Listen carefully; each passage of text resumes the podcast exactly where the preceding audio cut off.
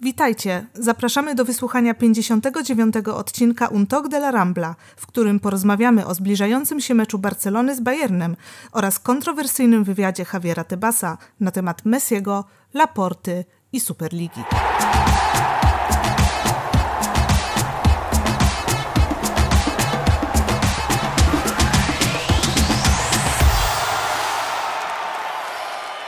Jeszcze raz cześć wszystkim. Z tej strony dzisiaj wyjątkowo Magdalena Rudnicka.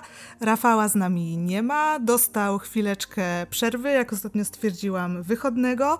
Za to jest z nami dzisiaj wyjątkowy gość, debiutujący w naszym podcaście, Karol Chowański, którego możecie znać też pod pseudonimem, pod nickiem Challenger, wieloletni redaktor FC Barsa.com, autor mnóstwa artykułów, felietonów, innych tworów publicystycznych, także ocen. Witamy Cię, Karol, z nami. Cześć Magda, dziękuję za przywitanie. Cześć wszystkim Kules, zapraszam. A zanim zaczniemy, ja przypominam jeszcze o tym, żebyście, jeżeli spodoba Wam się nasz podcast, jeżeli nas lubicie, pamiętali o zostawieniu subskrypcji, łapki w górę, komentarza, podzieleniu się naszymi tworami z innymi fanami piłki nożnej i Barcelony. Przechodzimy do naszego dzisiejszego głównego tematu, czyli po ostatnim podcaście, w którym chłopaki bardzo dużo opowiedzieli na temat zarządzania w Barcelonie, na temat finansów i serdecznie zapraszamy, jeżeli ktoś z Was jeszcze nie zapoznał się z poprzednim odcinkiem Uttok de la Rambla, do odsłuchania podcastu z udziałem Błażeja Gwozdowskiego i Michała Gajtka. Natomiast my, przynajmniej mam nadzieję i taki mamy plan, dzisiaj przejdziemy trochę bardziej na tą stronę piłkarską niż finansową, chociaż od tego też chyba nie uda nam się uciec. Ale nasz temat pierwszy, główny i nieunikniony to jest mecz Barcelony z Bayernem, który czeka nas we wtorek w ramach Ligi Mistrzów. No i pierwsza kwestia, taka Karol, do której musimy się odnieść, czyli myślę troszeczkę zerknąć sobie wstecz w stronę historii. Bardzo niedawnej historii Ostatnie... Za niepomyślnej historii. Mm, zdecydowanie, ale chciałam przytoczyć kilka liczb, właściwie to dwie. Ostatnie trzy pojedynki Barcelony z Bayernem, biorąc też pod uwagę dwumecze, oficjalne pojedynki, to bilans bramkowy Barcelona 7, Bayern 18. Można powiedzieć, że w ostatnim czasie Bayern jest dla Barcelony taką bestią negra, tylko że jest rocha. Więc to jest właśnie Bayern Monachium drużyna, która bardzo wiele szkód wyrządziła Barcelonie, zarówno statystycznie, jak i mentalnie, ponieważ zwłaszcza ostatni pojedynek w Lizbonie, jak dobrze wiemy, odcisnął silne piętno na e, psychologii piłkarzy, również ówczesnego sztabu szkoleniowego w szatni. Na pewno ten temat jest wciąż aktualny, obecny i jestem bardzo ciekawy, jak drużyna e, zareaguje na to w kolejnym spotkaniu z Bawarczykami.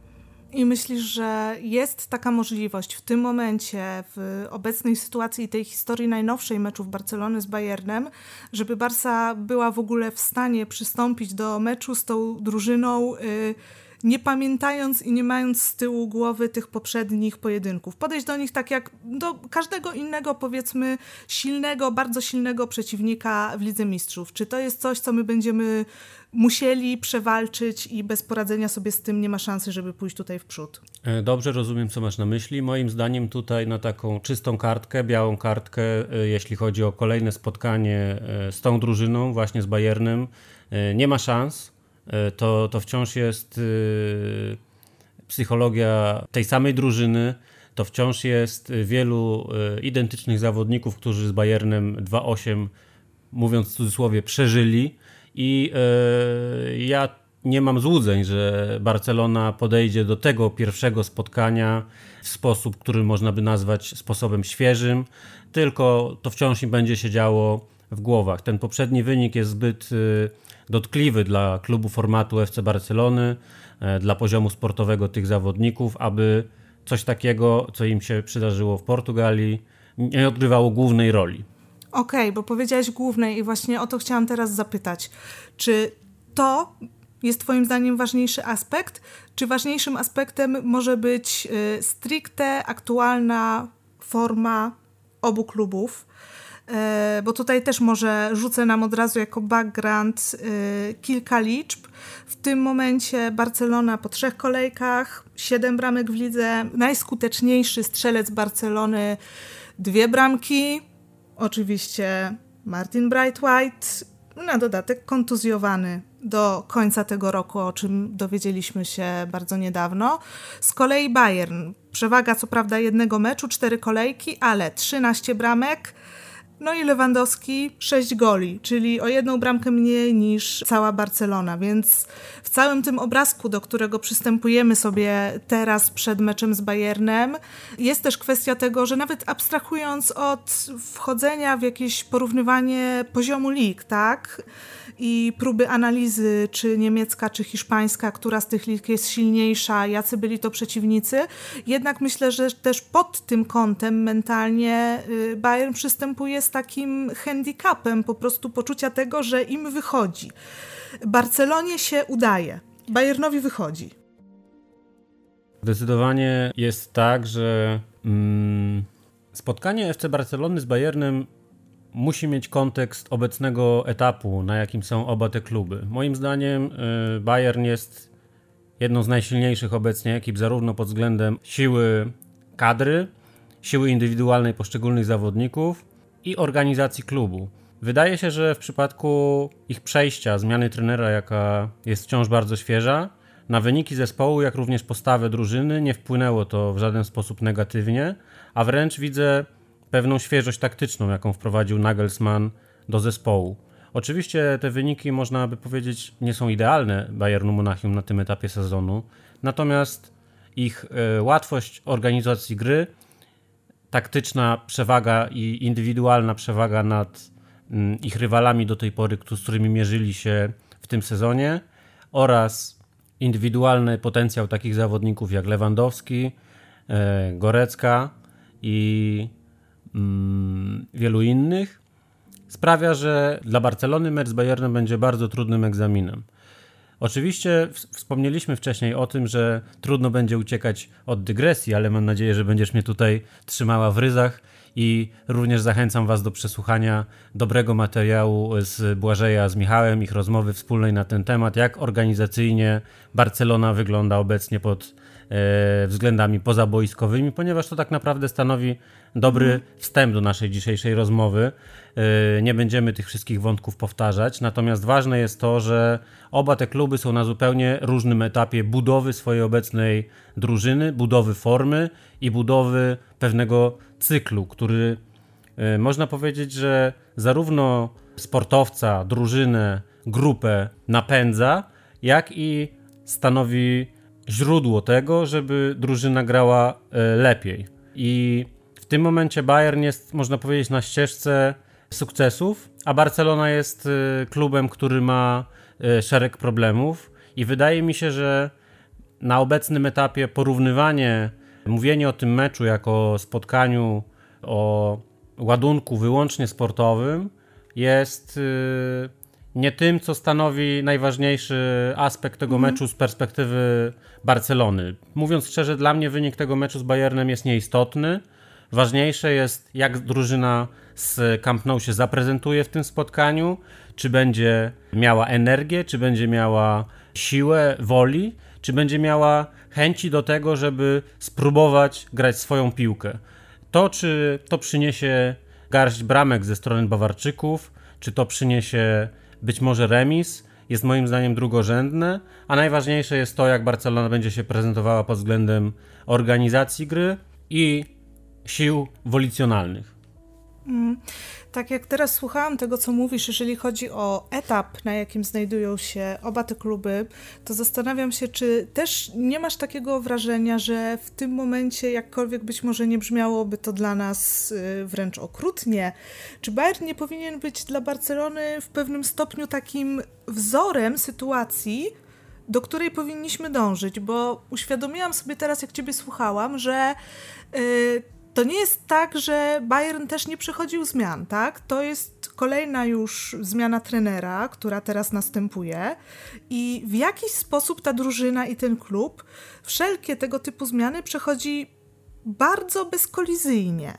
tak, one nie odbijają się na niej. I wydaje mi się, że jest to związane też z tym, że zarówno instytucjonalna stabilność klubu, jak i stabilność kadry jest tak duża, że nawet tak ważną zmianę, tak kluczową zmianę, y, jak zmiana na stanowisku trenera, gdzie teraz mamy do czynienia z trenerem, który jest rok młodszy niż kapitan. Bayernu, nie? To jest no, coś, co naprawdę można by powiedzieć, że na tym poziomie sportowym mm, no wręcz kuriozalne, tak? Natomiast tam wydaje się, że podjęcie y, nawet tego typu odważnych decyzji jest praktycznie bezpieczne, tak? Że kibice nie muszą drżeć o to.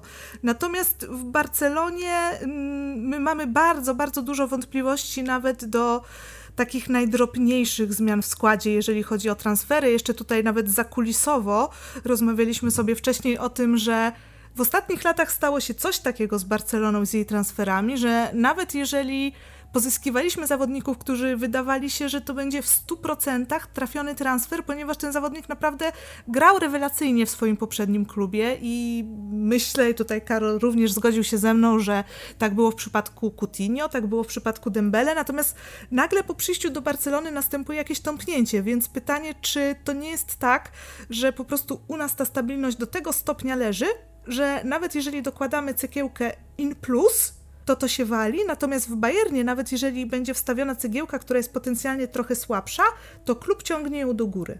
Udane transfery Bayernu pokazują, że pomiędzy dyrekcją sportową, sztabem szkoleniowym, a osobami odpowiedzialnymi bezpośrednio za transfery cały czas jest bardzo ścisła współpraca. Dzięki temu pozwala to ściągać zawodników, którzy pasują do filozofii gry Bayernu, ale też do ich aktualnych potrzeb na nefralgicznych pozycjach na boisku. Dobrym takim przykładem jest ściągnięcie Kanadyjczyka Davisa, który w Bayernie rozwinął skrzydła i w zeszłym sezonie zanotował fenomenalną kampanię. Problemy zdrowotne Davisa yy, przeszkadzają mu obecnie w utrzymaniu równie dobrej formy jak przed kilkoma miesiącami. Natomiast pod względem scoutingowym, tego jak oceniamy transfer, pod względem taktycznym, był to na pewno bardzo udany zakup Bawarczyków. Tutaj Barcelona niestety ma problemy, o których doskonale wiemy, jeśli chodzi o brak równie płynnej współpracy pomiędzy dyrekcją piłkarską a sztabem szkoleniowym. A oprócz problemów na rynku transferowym Barcelony, przez wiele lat mieliśmy w tym klubie problem z dostosowaniem poszczególnych zawodników, których kupował klub, do stylu gry drużyny oraz głównych gwiazd zespołu na czele z Leo Messim. Bayern jest przykładem klubu, który z sezonu na sezon utrzymuje pewną kontynuację. Sukcesy Bayernu w dużym stopniu wynikają z tego, że od wielu lat te same osoby rządzą klubem. Dla wielu osób w niemieckiej piłce jest to najważniejsza klubowa drużyna w kraju. To z kolei sprawia, że klub zarządzany jest stabilnie, zarządzany jest kompetentnie, a przejście z jednego trenera i zastąpienie go kolejnym jest dużo bardziej płynne niż w wielu innych klubach. Tutaj porównanie Barcelony i Bayernu pod tym względem jest bardzo drastyczne, drastyczne i, i bardzo, bardzo widoczne zarówno w sposobie gry z danego klubu z sezonu na sezon, jak i w wynikach. I w sumie to poruszyłeś taki temat, o który ja też chciałam jeszcze wcześniej zapytać, czyli powiedziałeś o tym, że był Messi, prawda? I poniekąd z tego, co powiedziałeś, to wynikła też taka dialektyka, którą mm, wiele osób przedstawiało, y, przynajmniej przed odejściem Messiego, że on jest, był dla Barcelony taką postacią, która w jakiś sposób mogła przyćmić resztę drużyny, która w jakiś sposób mogła stłamsić graczy, tak, sprawiając, że ich decyzje boiskowe będą podporządkowane temu, czy to przez Messiego będzie ocenione dobrze, czy źle. Yy, z drugiej strony natomiast być może sama obecność Messiego i jakość jego gry sprawiała, że niektórzy byli w stanie się na przykład rozleniwić, tak, że zawsze ta odpowiedzialność mogła być wzięta przez Argentyńczyka i w związku z tym nie spadnie na innych zawodników, więc oni gdzieś tam mogli wykonać swój plan minimum, yy, zagrać solidnie i elo, tak, to ich praca została wykonana. Natomiast jestem ciekawa, czy po tych paru meczach próbę mamy w tym momencie jeszcze Małą.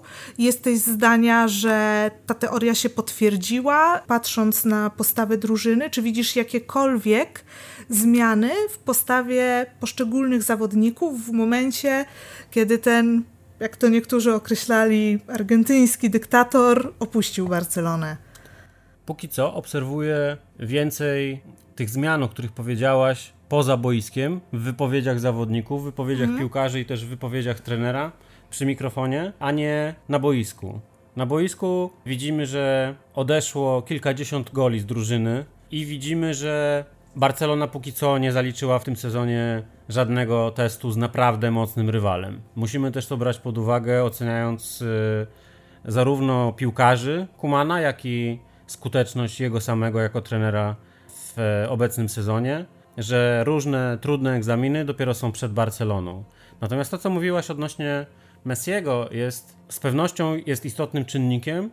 Natomiast jeśli chodzi o wyniki zespołu w dwóch, trzech ostatnich latach, nie przywiązywałbym do tego nadmiernej wagi. Oczywiście to ma bardzo duży wpływ na to, co się działo zarówno na boisku, jak i e, w szatni, tego e, czego nie widzieliśmy, jeśli chodzi o zarządzanie drużyną i jej mentalność, jej podejście do kolejnych spotkań.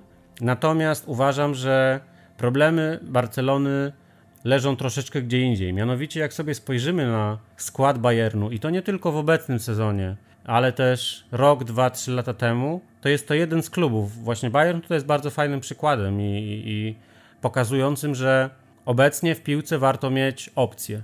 Opcje mhm. na tej samej pozycji różnych piłkarzy. W tym momencie, jeżeli sobie przejedziemy przez jedenastkę Bayernu, to e, jest to drużyna zbalansowana, zbilansowana i drużyna, która ma alternatywy zarówno w e, drużynie obecnie, jak i na przykład chętnie zmieniająca pomysły, które się nie udały. Mhm. Mam tu na myśli transfery czy e, zawodników, którzy po prostu przyszli do klubu, ale zostali po jakimś czasie albo sprzedani, albo zakończono z nimi współpracę. I w tym momencie, jeżeli spojrzymy sobie na skład Barcelony, to od kilku lat, poza tym, że był Messi, to jednocześnie było też i jest nadal do dzisiaj kilku zawodników na pozycjach, którzy są praktycznie niezmienialni. Mam na myśli Albę na lewej obronie, mam na myśli Piqué na środku obrony, mam na myśli Busquetsa w środku pola i oczywiście Ter Stegena e, na bramce. To są piłkarze, którzy można powiedzieć, że, że mają gwarantowane miejsce w wyjściowym składzie. Oczywiście do tego e, dodamy sobie Messiego i praktycznie mamy już pełną jedenastkę. Mhm. Y, połowę i, i, no i praktycznie mamy już pół jedenastki. To oznacza, że nie tylko nie ma walki w drużynie o minuty, ale jest stagnacja, która każdy zespół odnoszący sukcesy może prowadzić tylko do porażek, ponieważ nie ma siły napędzającej, nie ma bodźców, które sprawiają, że piłkarze będą ciężko pracować, będą się starać i będą mieli powód do tego, żeby pracować na treningach, żeby za tydzień jednak wyjść w 11. Skoro ktoś ma stałe miejsce w składzie, niezależnie od swojej aktualnej formy, to jest to ogromny problem każdej drużyny, niezależnie czy mówimy o koszykówce, siatkówce czy o piłce nożnej. Na tym najwyższym poziomie ludzie nie mogą mieć gwarancji, że co tydzień będą grali w meczu. A w Barcelonie nie mamy tak na jednej pozycji, nie mamy tak na trzech pozycjach, tylko mamy w ten sposób na uskładany połowę, połowę zespołu. Z czego to wynika? To wynika z tego, że Barcelona jest więcej niż klubem. Również na tej płaszczyźnie, że dba o to, aby parytet katalończyków w zespole zgadzał się. To znaczy, Jordi Alba jest katalończykiem i wychowankiem, Gerard Pica jest katalończykiem i wychowankiem, Sergio Busquets jest katalończykiem i wychowankiem, Leo Messi, mówi, mówiąc o e, latach minionych, jest wychowankiem i w pewnym sensie e, symbolem klubu. Z kolei Ter Stegen jest bramkarzem, któremu jest luksusowo w Barcelonie, jest dobrze. W tym sensie, że jeżeli spojrzymy sobie nawet na Manuela Neuera w e, Bayernie, to Manuelowi Neuerowi w Bayernie sprowadzono jednego z najbardziej utalentowanych bramkarzy młodego niemieckiego pokolenia w osobie Aleksandra Nübela. Nübel został w tym e, tego lata wypożyczony do Monako na e, dwa lata, zabierając pewnym sensie możliwości rozwoju Majeckiemu, ale to świadczy po prostu o ogromnym potencjale Nübela, że Bayern potraktował go w pewnym sensie jako narybek jako osobę na przyszłość, jako diament, który dopiero należy oszlifować. Mhm. I gdyby Barcelona prowadziła swoją politykę transferową w pewnych przypadkach w podobny sposób, to znaczy kupować młodych zawodników perspektywicznych z innych klubów, z trochę innej bajki niż e, profil piłkarzy, który wychodzi ze szkółki barcelońskiej, to efekty tego również mogłyby być dobre dla klubu, e, dla pierwszej drużyny, zarówno na obecny sezon, jak i dawać pewną perspektywę pozytywną na kolejne lata. I to jest tylko jeden z przykładów, w jaki sposób Bayern swoją filozofią budowania e, drużyny, swoją organizacją pokazuje przewagę nie tylko nad Barceloną, ale obecnie myślę, że można też powiedzieć, że także nad Realem Madryt. Bayern i Atletico, które podziwiam, choć e, nie lubię stylu ich gry, podziwiam Diego Simeone, podziwiam e, władzę e, klubu z Wanda Metropolitano. Myślę, że można powiedzieć to samo co o Bayernie, że to są dwa kluby, które pokazują w jaki sposób można osiągnąć sukces pracą konsekwentną, pracą systematyczną i pracą, która nie liczy na efekt natychmiastowy, ale na efekt odłożony w czasie. I w tym sensie ogromnym sukcesem Atletico jest ubiegłoroczny czy tegoroczny mhm. Mistrzostwo Hiszpanii, a Bayernu to, że mapa drużyn dominujących w Lidze Mistrzów zmienia się, a Bayern cały czas jest w grze. Mimo tego, że zmieniają się trenerzy, mimo tego, że Bayern nie ma przewagi finansowej takiej, jaką ma Chelsea, e, Manchester City Paris Saint-Germain, w pewnym sensie Bayern jest drużyną tutaj na gorszej pozycji, ponieważ nie ma nieograniczonych zasobów, ale ich determinacja i konsekwencja, determinacja również w drużynie, ponieważ Bayern zdecydowanie ma więcej siły fizycznej w swoich szeregach od na przykład Barcelony, pokazuje, że jest to skuteczny sposób na sukces i budowanie sukcesu na kolejne lata. Powiem ci, że fajny jest ten przykład bramkarski, który podałeś, bo tak naprawdę w Barcelonie mam wrażenie, że to jest taki schemat, który już jest od wielu, wielu lat że nie przypominam sobie teraz w tym momencie takiej pary pierwszy i drugi bramkarz, żebyśmy pozyskali drugiego bramkarza, który byłby potencjalną jakąkolwiek konkurencją. Wiadomo, że to nie jest pozycja rotowalna, tak, że w żadnym klubie nie będzie to korzystne, żeby raz grał jeden, raz grał drugi, że gdzieś tam trzeba być w tym rytmie meczowym, ale tak naprawdę w tym momencie też sobie uświadomiłam, że w Barcelonie generalnie jest i był taki styl zarządzania tą pozycją, że mamy tego jednego bramkarza, drugi jest po to, jak się coś stanie, tak? Jak wypadnie. I zwykle jakość sportowa jest zdecydowanie niższa w porównaniu do tego pierwszego bramkarza. No, takim ostatnim przypadkiem, gdzie do pewnego stopnia udało się wygryźć pierwszego bramkarza, to przypominam sobie Pinto i Valdesa. Był taki dosyć, dosyć krótki okres, że Pinto na jakiś czas wskoczył za Valdesa. Na początku z powodu kontuzji, a potem już także z powodu formy. I gdzieś wykreowała się wtedy taka pewna konkurencja przez jakiś czas. Ale generalnie to chyba rzeczywiście też troszeczkę podkreśla taki model, o którym wspomniałeś, czyli zawodnik na daną pozycję, który ma to pewne, który nie do końca musi się starać, i z drugiej strony ten jego potencjalny zmiennik, który czasem ma pewne, że nie zagra. Rzeczywiście, prawda? jest tak jak mówisz, że w Barcelonie szereg pozycji nie wynika nawet z niechęci trenera albo wyłącznie z decyzji trenera, ponieważ jeżeli trener nie ma w składzie zawodnika, który mógłby zastąpić Jordiego Albę, to po prostu musi tym Albą grać co mecz. Oczywiście wcześniej był, byli zawodnicy tacy jak Firpo, ale e, to jest w dużym stopniu konkurencja nierealna. To znaczy, zawodnik teoretycznie jest w składzie, ale ani nie dostaje e, zaufania trenera, ani nie prezentuje takiej formy no sportowej, no. która uzasadniałaby to, żeby długoterminowo brać go jako alternatywę dla zawodnika w pierwszym składzie. Jeżeli sobie pododajemy te pozycje bramkarz, lewy obrońca, środek obrony, to możemy dojść do wniosku, że jest to pewien schemat, który zaczyna się w tym, że dyrekcja sportowa Barcelony na pewne pozycje po prostu nie sprowadza piłkarzy. Dlaczego tego nie robi? Ponieważ profil klubu jest taki, żeby stawiać na swoich wychowanków, stawiać na chłopaków wychowanych w szkółce. I tutaj do głosu dochodzi nawet niekoniecznie złe zarządzanie jako takie, ale to po prostu wynika z tego, że to jest kataloński klub, że osoby kierujące tym klubem chcą zachować e, sytuację, w której FC Barcelona jest, jak to się mówi w Katalonii, największym ambasadorem Katalonii na świecie. I jeżeli wyobrazimy sobie, Magda, w tym momencie mhm. sytuację, że z drużyny odchodzą Sergi Roberto, że z drużyny odchodzi Busquets, Alba, Piqué, okaże się, że nagle nie mamy tam żadnego istotnego piłkarza w składzie o pochodzeniu katalońskim lub wychowanego w szkółce.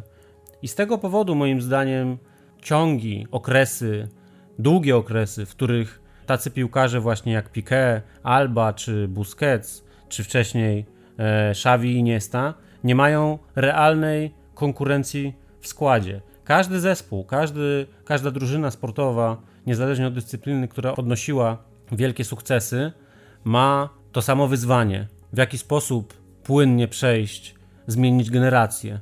Barcelona nie jest jedynym e, klubem w historii piłki nożnej, któremu się to nie udało i nie udaje, mhm.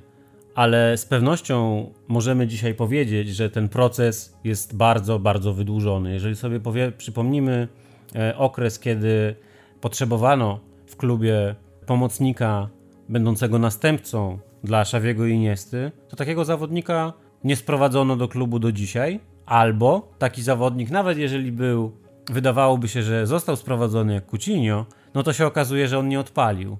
No i to są sytuacje, które pokazują, jak bardzo wybiórcza jest polityka transferowa Barcelony, że to nie tylko chodzi o to, że był Messi i pewne rzeczy wynikały dlatego, że on był jednocześnie gwiazdą klubu, ale też osobą o najlepszych statystykach w całej drużynie, osobą, od której zależały pewne zakulisowe decyzje dotyczące formowania drużyny, czy być może transferów, bo to było naturalne i jest naturalne w wielkim sporcie w przypadku każdego wielkiego sportowca. Tak samo było z Michaelem Jordanem, tak samo jest w piłce nożnej. Więc to nie jest nic dziwnego, że Messi miał więcej do powiedzenia niż, niż inni piłkarze, czy to w drużynie, czy po prostu inni piłkarze będący gwiazdami swoich klubów, ponieważ Messi w pewnym sensie był panem FC Barcelona przez bardzo długi czas. Zarówno gwiazdą, jak i wychowankiem tego klubu, jego symbolem i to jest dla mnie naturalne, że pewne rzeczy w klubie po prostu od niego zależały.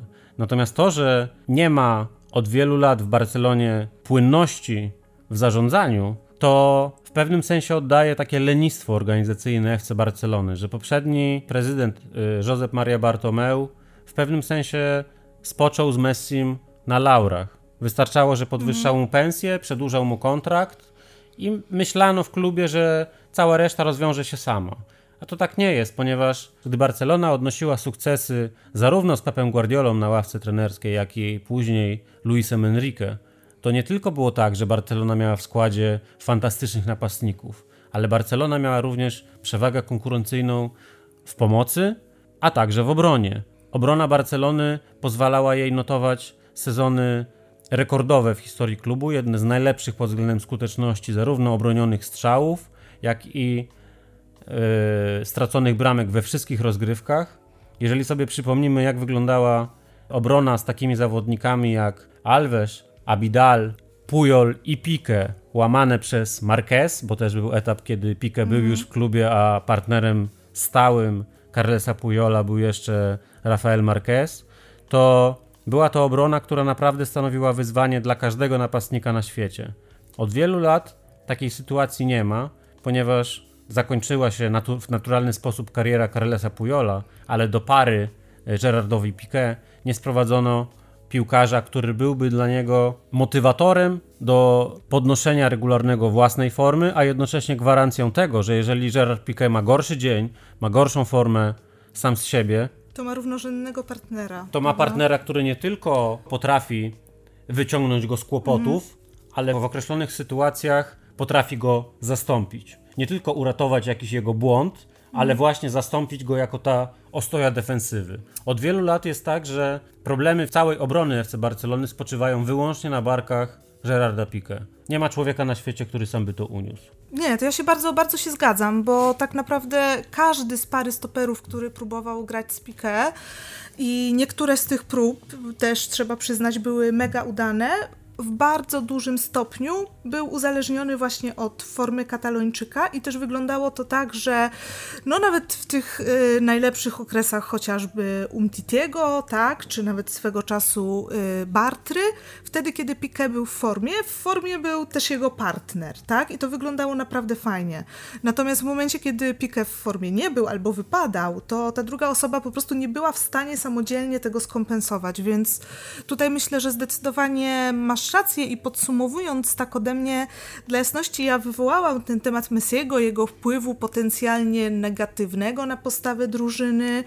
Ja się raczej z tym nie zgadzam, tak? Oczywiście dostrzegam pewne te aspekty i z pewnością tak jest, że jeżeli ma się gościa, który tyle daje z gry, tak? Jeżeli chodzi o gole, jeżeli chodzi o kluczowe podania, to naprawdę łatwo jest się rozleniwić, jeżeli samemu nie jest się typem wyjątkowo ambitnego człowieka, tak? Więc to może mieć nawet zupełnie nieświadomy taki wpływ na drużynę.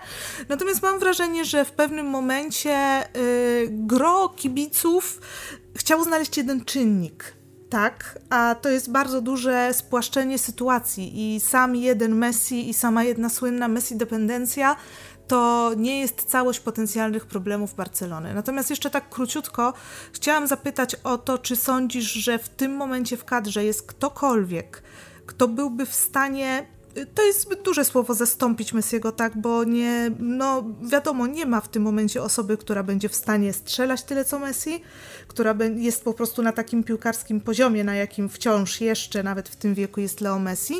Natomiast czy widzisz jakiegoś takiego gościa, który będzie w stanie wziąć na siebie ciężar gry, pociągnąć w kluczowych momentach. Abstrahuję, czy Messi to zawsze robił, czy nie, bo, bo wiemy, że nie zawsze, tak, oczywiście, ale jednak jakość piłkarska była w stanie skompensować wiele y, podejścia takiego stricte psychologicznego w trakcie meczów i po prostu tego, że czasem zabrakło cojones i zabrakło po prostu siły do walki.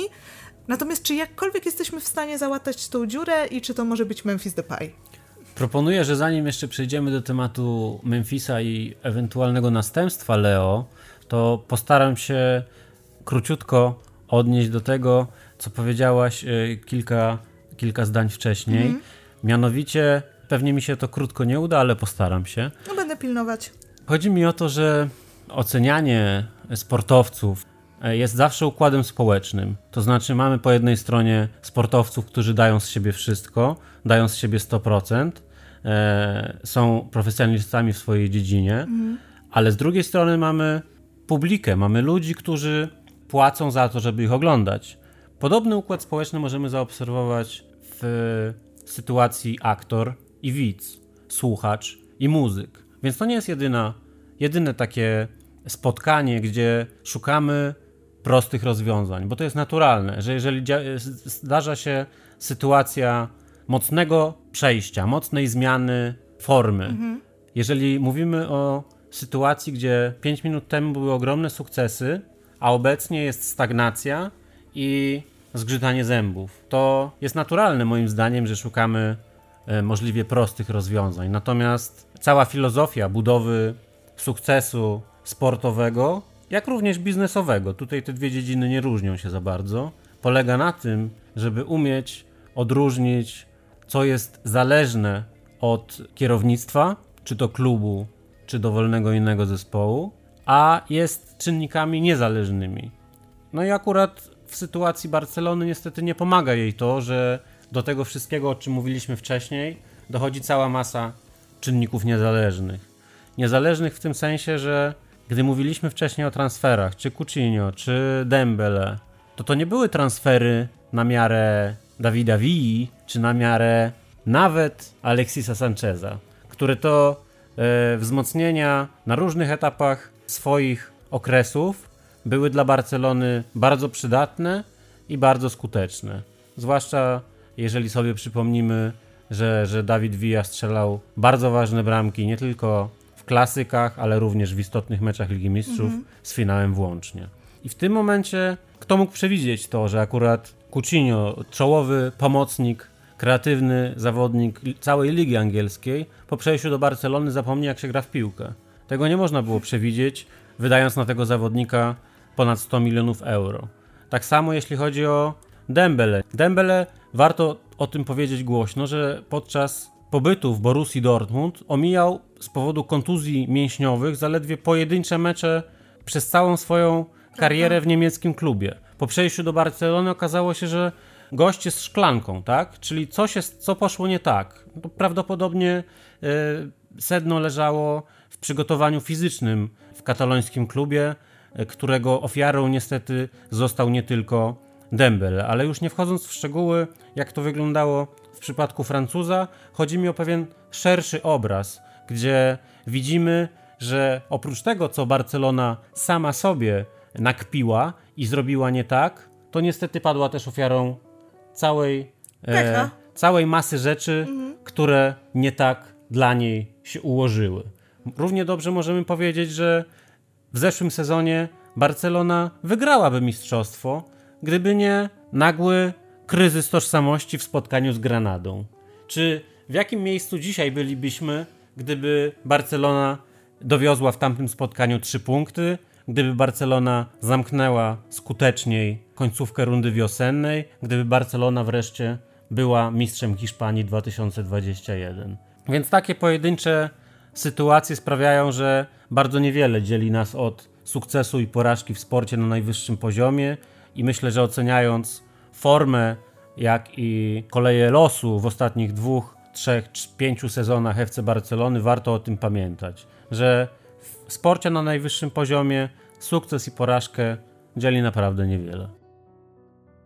No to mimo wszystko jest taki promyczek optymizmu, to co powiedziałeś poniekąd, prawda? Że jednak ta losowość zawsze może się odwrócić tak? Bo jeżeli wspomniałeś o tym, że sporo czynników niezależnych, które no, moglibyśmy chyba nazwać też czasem pechem po prostu, tak? Jest w stanie złożyć się na ostateczny obrazek, to mogą się zdarzyć też pozytywne czynniki niezależne. Może trzymajmy się tego. W tym kierunku lubię patrzeć i przy czym nie, muszę powiedzieć, że w sporcie nie lubię określenia pech. To bardziej bym powiedział nieskuteczność w poszczególnych sytuacjach, na przykład podbramkowych Antoana Griezmana, w, innych sytuacjach Messiego, mówię w tym momencie o zeszłym sezonie, o ubiegłych dwóch latach powiedzmy. I okazywało się, że pojedyncze sytuacje meczowe decydowały o tym, że sytuacja w FC Barcelonie była oceniana bardzo, bardzo negatywnie. Dlatego podoba mi się, co w obecnej sytuacji finansowo-kadrowej zrobił Joan Laporta.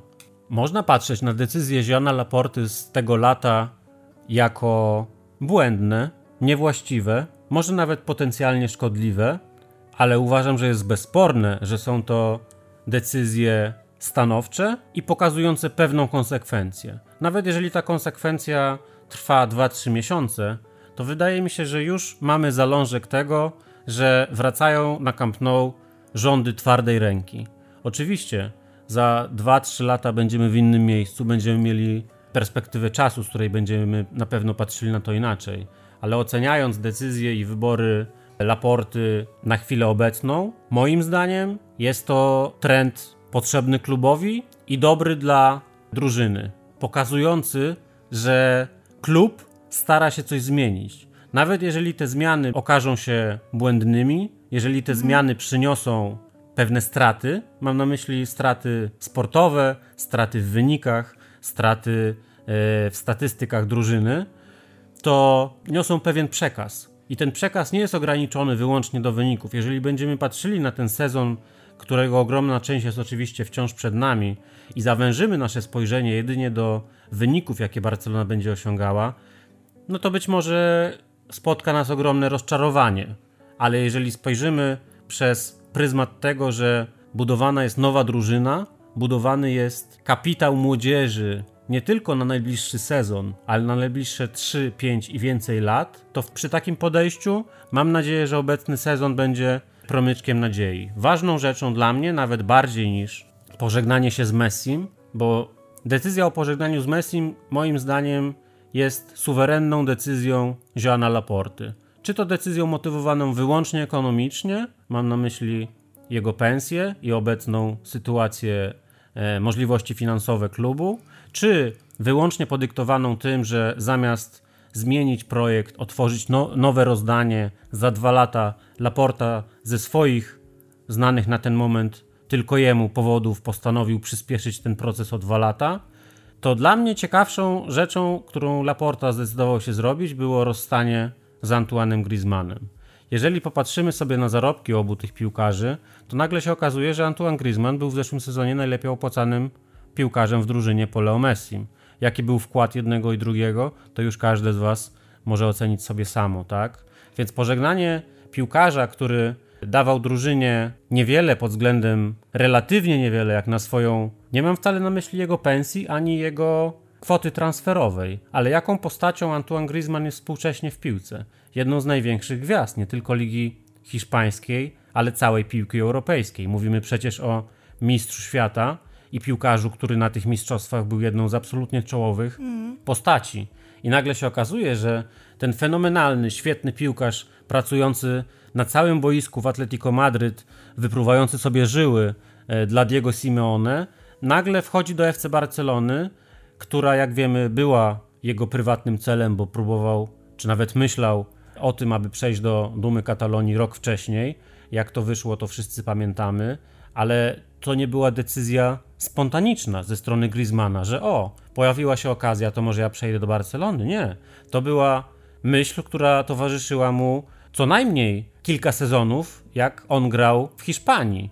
Bo zauważmy, że gdy kiedykolwiek były plotki o transferze Antuana Griezmana, to zawsze były plotki o przejściu do FC Barcelony. Nigdy nie pojawił się temat, że Real Madryt i FC Barcelona rywalizują o Antuana Griezmana.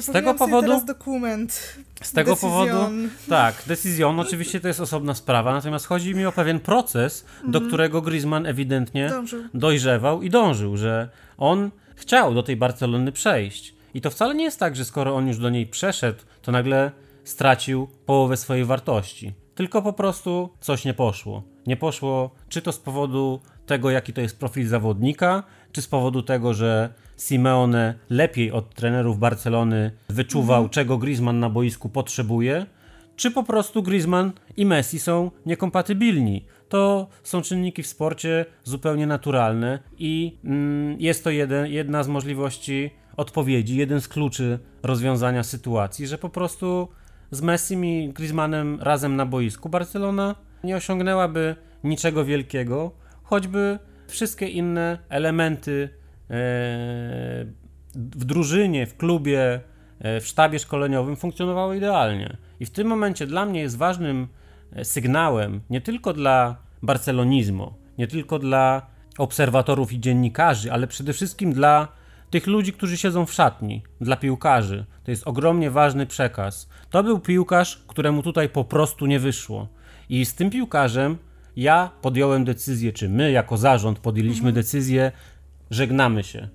Przechodzimy do kolejnego etapu, przewracamy kartkę. Mhm. Zaczynamy coś nowego. Być może okaże się ta decyzja kontrowersyjną. Na pewno finansowo straci na niej klub, ale mimo to podejmujemy tę decyzję, bo uważamy, że takiej właśnie decyzji po potrzebuje zespół i potrzebuje FC Barcelona. I takich decyzji w tym klubie brakowało od kilku lat, i na tym można budować pewien kapitał na przyszłość, że nie tylko pojawiają się nowi młodzi piłkarze, ale ci piłkarze, ci zawodnicy, te elementy układanki, które się nie sprawdziły, zostają pożegnane i odstawione na boczny tor, nawet jeżeli oznacza to ryzyko. Czyli podsumowując, najlepsze decyzje to są te, które zostały podjęte. Tak, natomiast kolejną, można powiedzieć, decyzją, która oczekuje na to, żeby ją podjąć, to jest przyszłość Ronalda Kumana na ławce FC Barcelony. Ale myślę, że to już jest jeden z tematów, dalszy, którymi, dalszy głębszy temat. którymi możemy się zająć przy kolejnej okazji.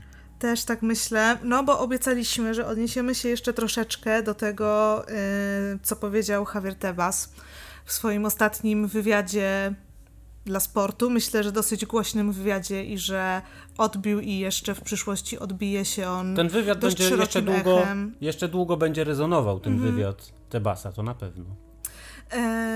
No chciałam ci rzucić teraz parę takich cytatów, żebyś mógł się do nich odnieść, tych, które moim zdaniem były najciekawsze i chyba najfajniejszy i taki najbardziej catchy jest ten. Mam wrażenie, że Barcelona doświadczyła psychologicznego uprowadzenia przez Florentino i madridizmo. To taki kompleks niższości. Co myślisz? Moim zdaniem e, Javier Tebas jest osobą, którą określa się jako poszukiwacza uwagi. To jest takie pojęcie e, anglosaskie, które po prostu opisuje osobę obecną w przestrzeni publicznej po to, żeby e, od czasu do czasu powiedzieć coś bardzo, która chce e, powiedzieć coś bardzo kontrowersyjnego, tylko dlatego, żeby to było kontrowersyjne. Oczywiście wpływy i osiągnięcia Javiera Tebasa w hiszpańskiej piłce są, są duże, natomiast zależnie od tego, jaką on zajmuje funkcję w hiszpańskim futbolu, to spodziewałbym się po osobie na jego stanowisku wypowiedzi bardziej wyważonych, bardziej rozsądnych i przede wszystkim bardziej dyplomatycznych.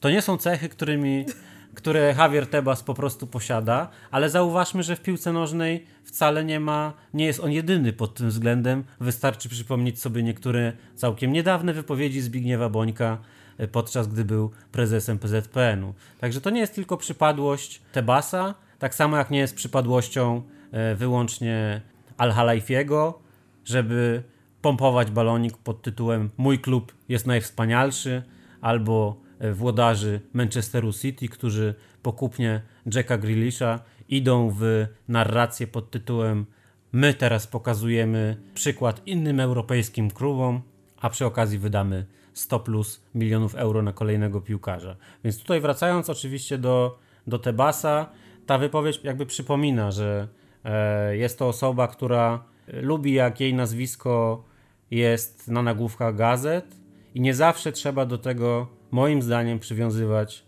dużą wagę. Natomiast co za formą się kryje, to już jest osobna sprawa, ponieważ Tebas jest osobą konsekwentnie mówiącą o tym na przestrzeni kilku ostatnich lat, że działania prowadzące do separacji tak zwanych wielkich klubów europejskich się mu nie podobają. On chciałby mieć w tym swoją rolę, y, aby pewne projekty zmian europejskiej piłki klubowej nie doszły do skutku i tę swoją wolę ograniczania tych zmian lub ich hamowania zdecydowanie i konsekwentnie realizuje. Jednocześnie widać, że bardzo dobrze się zna na y, kulisach y, zarządzania, funkcjonowania y, zarówno FC Barcelony, jak i Realu Madryt i pewne rzeczy, które są zagadkowe dla obserwatorów, on może je znać z bliższej odległości i z tego powodu mówi to, co mówi. Natomiast ja nie przejmowałbym się tak za bardzo, bo po Tebasie przyjdzie ktoś inny. Być może ten następca Javiera Tebasa będzie miał zupełnie inne spojrzenie na przyszłość europejskiej piłki klubowej i będzie mówił w zupełnie innym tonie. Natomiast jeśli mówimy o tym, czy rzeczywiście Barcelona w obecnej sytuacji jest jakim, w jakikolwiek sposób zakładnikiem polityki Realu Madryt i osobistych działań Florentino Pereza, to myślę, że wciąż jest to za wczesny etap, żeby mówić w tych kwestiach tak stanowczo, ponieważ Superliga nie doszła do skutku. To wciąż są tylko spotkania. Anieli, Perez, Laporta, oni tylko rozmawiają. A z kolei z drugiej strony UEFA z pewnych swoich gruźb, z pewnych obietnic e, odpalenia procesu sądowego w tej lub innej sprawie czy kwestii musiała się wycofać. Musiała się wycofać, ponieważ e, nie działa w próżni. Piłka nożna podlega w różnych aspektach zasadom, dyrektywom, regulacjom poszczególnych krajów, o których mówimy, w których znajdują się narodowe ligi, ale też Unii Europejskiej, która w dziedzinie e, biznesu ma e, swoje do powiedzenia. Więc to wcale nie jest tak, że UEFA, możliwości UEFA są nieograniczone. UEFA y, będzie wszystkim mówiła, co mają robić, i wszystkie kluby będą za tym podążały.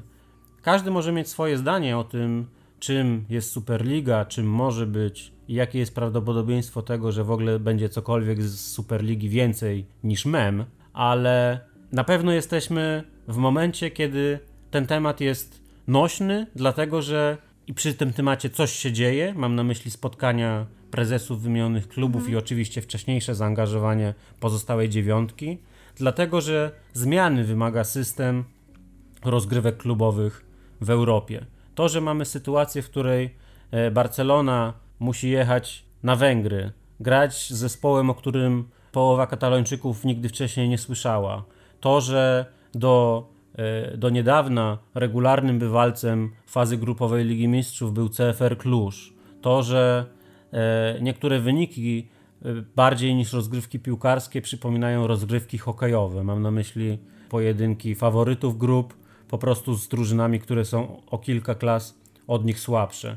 To tu dochodzimy do pytania o atrakcyjność, nie dochodzimy do pytania sprawiedliwość, nie dochodzimy do pytania o to, czy to jest etyczne, żeby piłka wykluczyła część ze swoich dotychczasowych członków, gdy mówimy o rozgrywkach absolutnie elitarnych i aspirujących do najwyższego poziomu.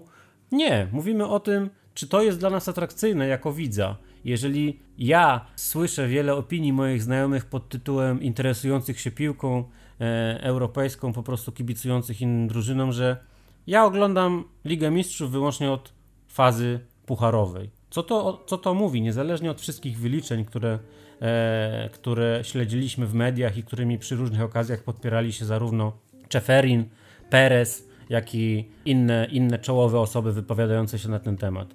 Co to mówi, jeżeli po prostu czytamy sobie albo słyszymy od znajomych opinie, mnie faza grupowa nie obchodzi? To nie jest tak, że to są opinie zupełnie odosobnione. Możemy takie opinie zobaczyć, gdy, gdy przejdziemy sobie przez komentarze na FC Barca.com podczas li meczów Ligi Mistrzów ze słabszymi drużynami.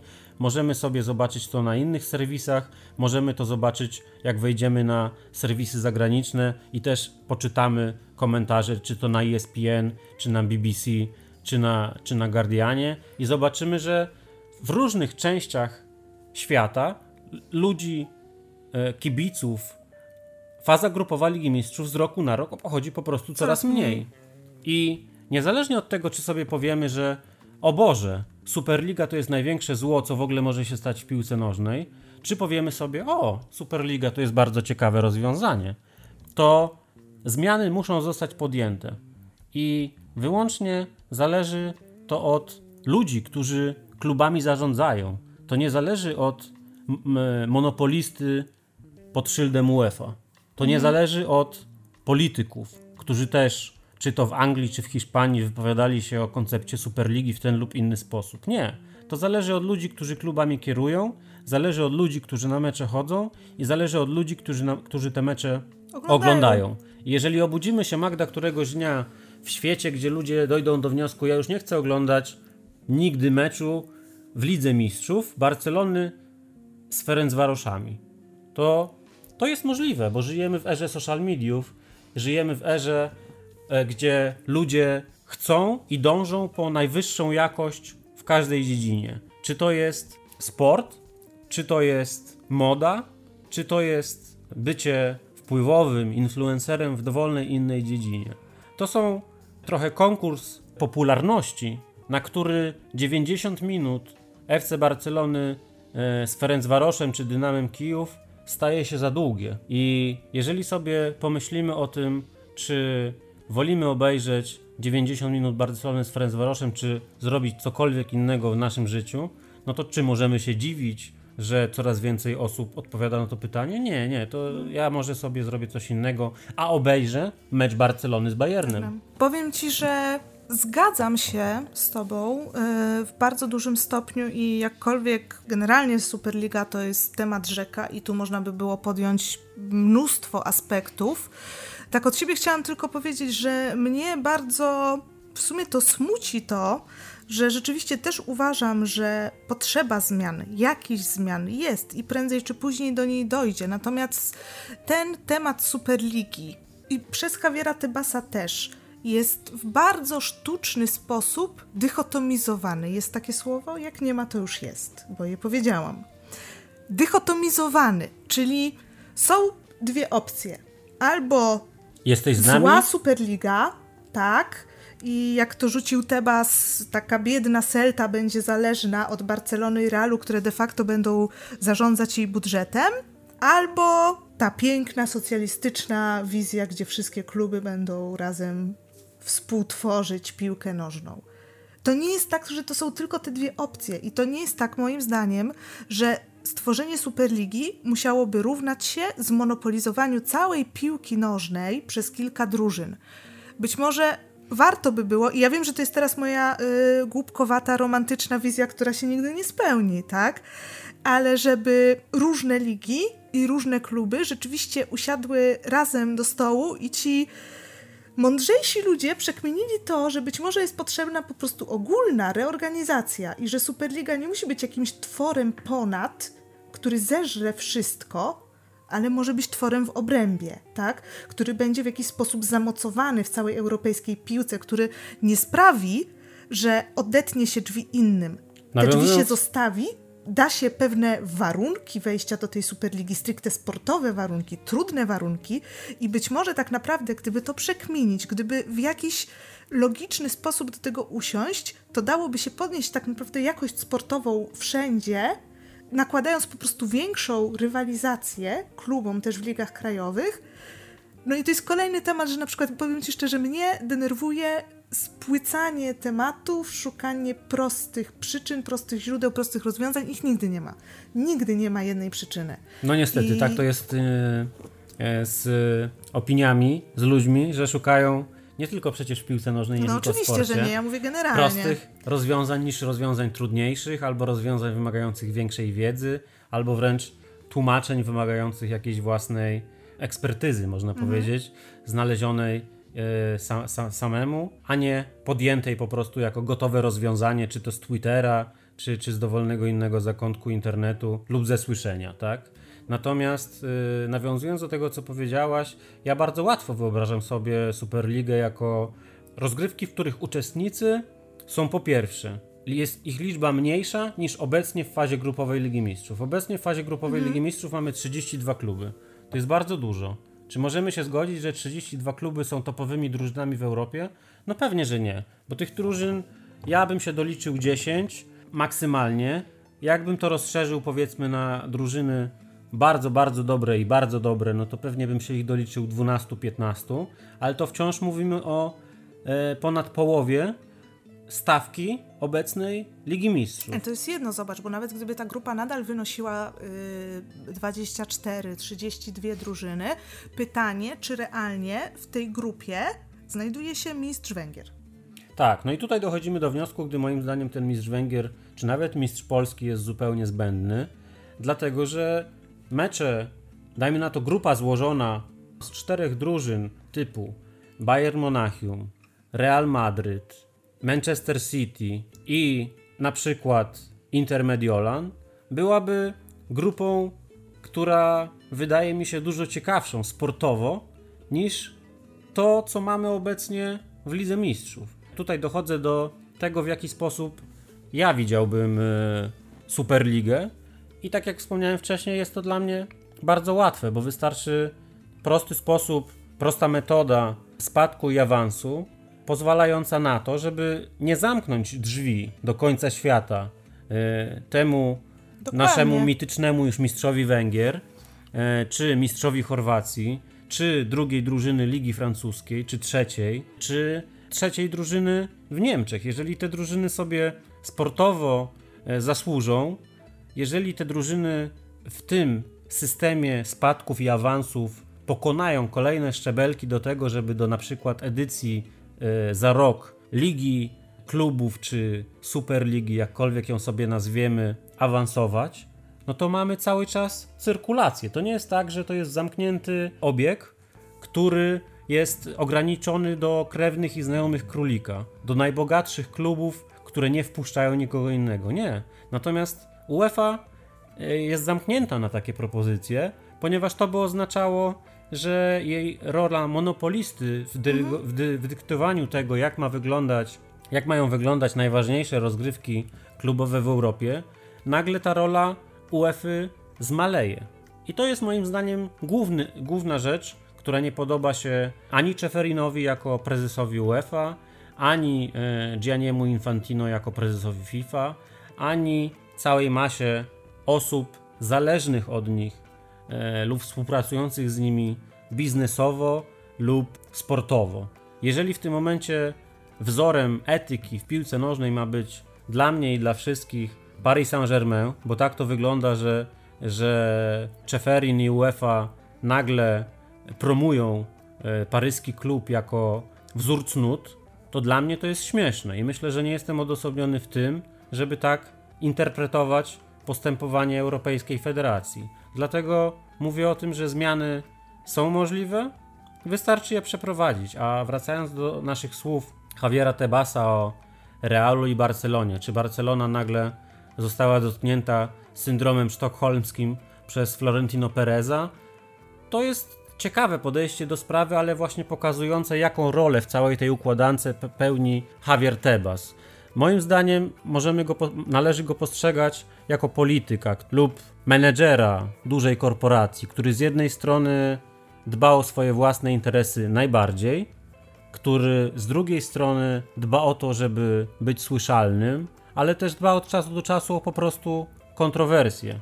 Samą kontrowersję nie popartą merytorycznie, nie popartą jakimś ogólnie pojmowanym interesem społecznym, bo to, że Javier Tebas wspomina o Celcie, to nie jest, nie wynika z tego, że on nagle został... Martwi się nagle Nagle został wielkim orędownikiem Dokładnie. E, interesu sportowego Celty Vigo i zbliżył się do jej kibiców, tylko po prostu użył to jako przykładu, który mógłby być dowolny inny klub. Prawdę mówiąc, ja nie lubię takich wypowiedzi, gdzie osoba pokroju Tebasa podpiera się e, jakimś konkretnym klubem. Oczywiście on robi wszystko, żeby uderzyć w potęgę Realu Madryt i FC Barcelony, która faktyczną potęgą organizacyjną, finansową i sportową w Hiszpanii jest od dekad.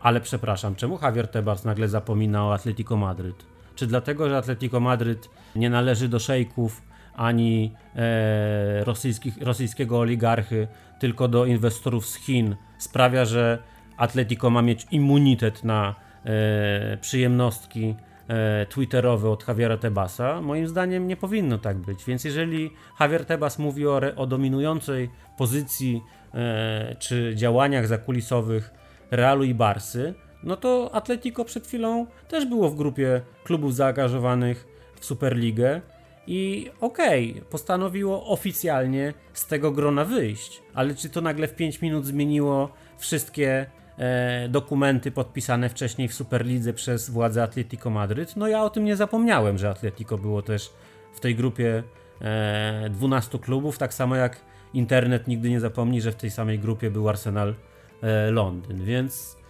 Tutaj widzimy po prostu wybiórczość Tabasa, jego doświadczenie jako gracza, doświadczonego gracza, który mm. wie, w którą stronę uderzyć, żeby było kontrowersyjnie.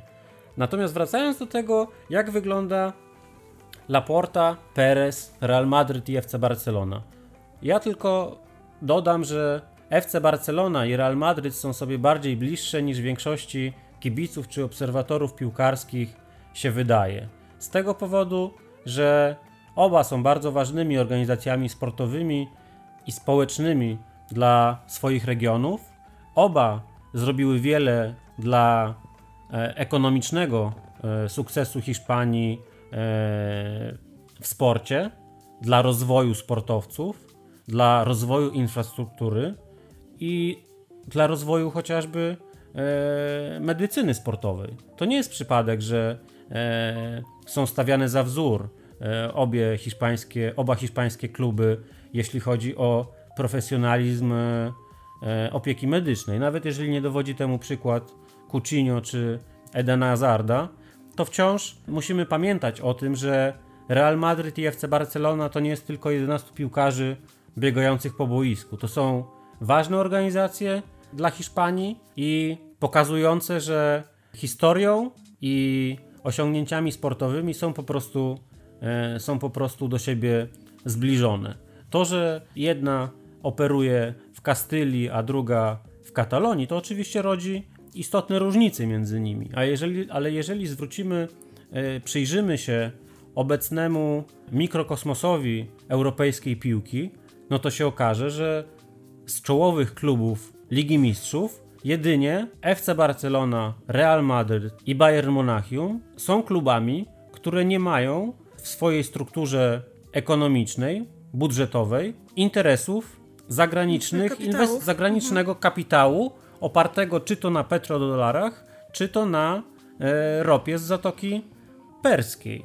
I w tym momencie powinno być dla uważnego obserwatora bardziej jasne, dlaczego nagle Perez i Laporta mówią jednym głosem. No hello, dlatego że obaj jako e, kierownicy swoich klubów są zagrożeni niesprawiedliwą konkurencją. Należy to, chcę to mocno podkreślić, że jest to konkurencja niesprawiedliwa ze strony, jeśli mówimy o pewnych regulacjach europejskiej piłki, to przewaga takich klubów jak PSG, jak City, jak w tym momencie dofinansowane z Chin e, Atletico jest lepsza. Oni mają nieograniczony kapitał, bo wystarczy, że sobie księgowo zapiszą przelewy od zagranicznych inwestorów jako sponsoring. Należy też troszeczkę w takich sytuacjach przypominać i, i wczytywać się, szukać samemu informacji o tym, w jaki sposób rozliczane są budżety e, w europejskiej piłce. Otóż są rozliczane w taki sposób, że Paris Saint-Germain może być dofinansowane bezpośrednio z katarskiego budżetu, Kataru jako państwa. Wystarczy, że zostanie to zaksięgowane jako sponsoring e, organizacji promującej turystykę, tak? Być może nawet organizacji, która powstała 5 minut temu wyłącznie na potrzeby tego jednego tej przelewu. Jednej umowy. Tej jednej umowy, tak? I tak po prostu działa wielki biznes. E, I jeżeli będzie to e, przegapiane przez, przez nas jako media, przez nas jako osoby mówiące na ten temat, to nikt nie będzie zwracał na to uwagi z, z kibiców, z obserwatorów, że tutaj nie ma równych reguł. I dlatego, że tymi nierównymi regułami są porówno dotknięte Barcelona i Real, no to nagle się okazuje, że Barcelona i Real mówią jednym głosem. Nagle się okazuje, że Florentino Perez może być obecny na meczu o trofeum e, Joana Gampera, dlatego, że taki jest moment, decydujący moment pod koniec okienka transferowego, bardzo ważnego post-covidowego sezonu, gdzie rozmowy na ten temat są potrzebne. I dodałabym więcej. I ja myślę, że jeżeli Tebas stawia to jako jakiś negatyw w stosunku do Laporty, tak, że podejmuje on rozmowy z Tebasem i że mówią jednym głosem, to ja uważam, że jest dokładnie odwrotnie, bo to zarówno w przypadku Laporty, jak i w przypadku Florentino mówi wyłącznie o ich profesjonalizmie, tak, jako ludzi na tych stanowiskach to, że kluby są dla siebie głównymi rywalami, jednocześnie oni są w stanie zdać sobie sprawę z tego, jakie są przede wszystkim interesy ich klubów w danym momencie i że taka współpraca jest na rękę i będzie na plus dla klubów jako instytucji, świadczy o tym, że są po prostu w tym profesjonalni i robią to, co powinni. Więc moim zdaniem, tak naprawdę ta wypowiedź, no tak jak mówisz, nabita zupełnie na kontrowersje, jednocześnie jest bardzo, bardzo kuriozalna, bardzo łatwa do zbicia, jeżeli chodzi o jej irracjonalność. Ale... Kończąc y, już powoli ten wątek, myślę, że możemy y, też popatrzeć na to pod tym kątem, że Tebas jako jakby jego rola i jego postawa świadczy o tym, co komunikacji marketingowej i w PR-ze zawsze nazywamy jako, jeżeli ktoś o czymś mówi, że coś jest, jeżeli ktoś coś krytykuje, to znaczy, że się tego boi. Mhm. I tego bardzo dobrym przykładem są nie tylko cały ten wywiad Tebasa dla sportu, o, którym, o którego e, motywu o, zaczęliśmy ten wątek, ale również całkiem niedawne i znacznie wcześniejsze wypowiedzi Czeferina, który przecież powiedział otwarcie, że gdyby to ode mnie zależało, to ja bym tych klubów do Ligi Mistrzów nie, nie dopuścił. dopuścił. Co to mówi podprogowo? To mówi, tego, to mówi właśnie to, że największą obawą Aleksandra Czefirina obecnie odnośnie rozwoju europejskiej piłki klubowej, odnośnie rozwoju Ligi Mistrzów, jest to, że on się boi dnia, w którym e, czołowe kluby Europy z Ligi Mistrzów odejdą. A w sytuacji, gdy na rynku przybywa dostawców sygnału, jakby przybywa inwestorów zainteresowanych transmisjami telewizyjnymi piłki nożnej, którzy pochodzą kompletnie z innych dziedzin biznesu niż tradycyjni, e, tradycyjne telewizje, stacje e, kablowe czy nawet e, kanały płatne, e, co widać nawet po, po polskim rynku telewizyjnym, jeśli mówimy o, o, o transmisję z meczów czołowych europejskich lig, to pokazuje nam to, że rynek stale się rozwija. I to wcale nie jest tak, że jeżeli kilka tygodni czy kilka miesięcy temu Superliga została wyjaśniona, e, mówiąc w cudzysłowie, czy e, temat Superligi został nagle za, zamknięty zdaniem części komentatorów, tak faktycznie się stało. Nie, bo być może za rok taki kapitał e, lub e, inwestor jak CVC może dojść do wniosku, że hmm, a może ja bym zarobił grube miliony na tym, że pogadam z tymi, co chcieli założyć Superligę i to ja ustalę z nimi, w jaki sposób będziemy tę Superligę transmitować. Więc pod tym względem wydaje mi się, że e, wypowiedzi osób pokroju Javiera Tebasa świadczą o tym, że oni mają świadomość tego, że siedzą na w pewnym sensie rozżarzonych węgielkach i że ich duża część działań, jeśli chodzi o opiekę mhm. nad europejską piłką, nie zawsze jest tak, tak właściwa, jak oni by chcieli to nam, jako kibicom i, i obserwatorom, komunikować. I tak Oczywiście, tak jak się to. Tak, ponieważ sytuacja jest dynamiczna i wydaje mi się, że tak, tak, tak dynamiczną pozostanie. Okej, okay, to jest chyba nawet wbrew pozorom pozytywna myśl na zakończenie. Zmiany zawsze są dobre. Dokładnie, zgadzam się. Karol, bardzo dziękuję Ci za rozmowę. Czas najwyższy dobijać do brzegu. Ja myślę, że pobiliśmy rekord. Dzisiaj. Mam nadzieję, że y, kolejnym razem będzie e, krócej, mniej dygresyjnie, ale to wszystko przed nami. Dziękuję Zobaczymy... Ci Magda za, e, za, za, za goszczenie. Dziękuję Tobie i e, naszemu zespołowi podcastowemu za umożliwienie tej rozmowy i do usłyszenia.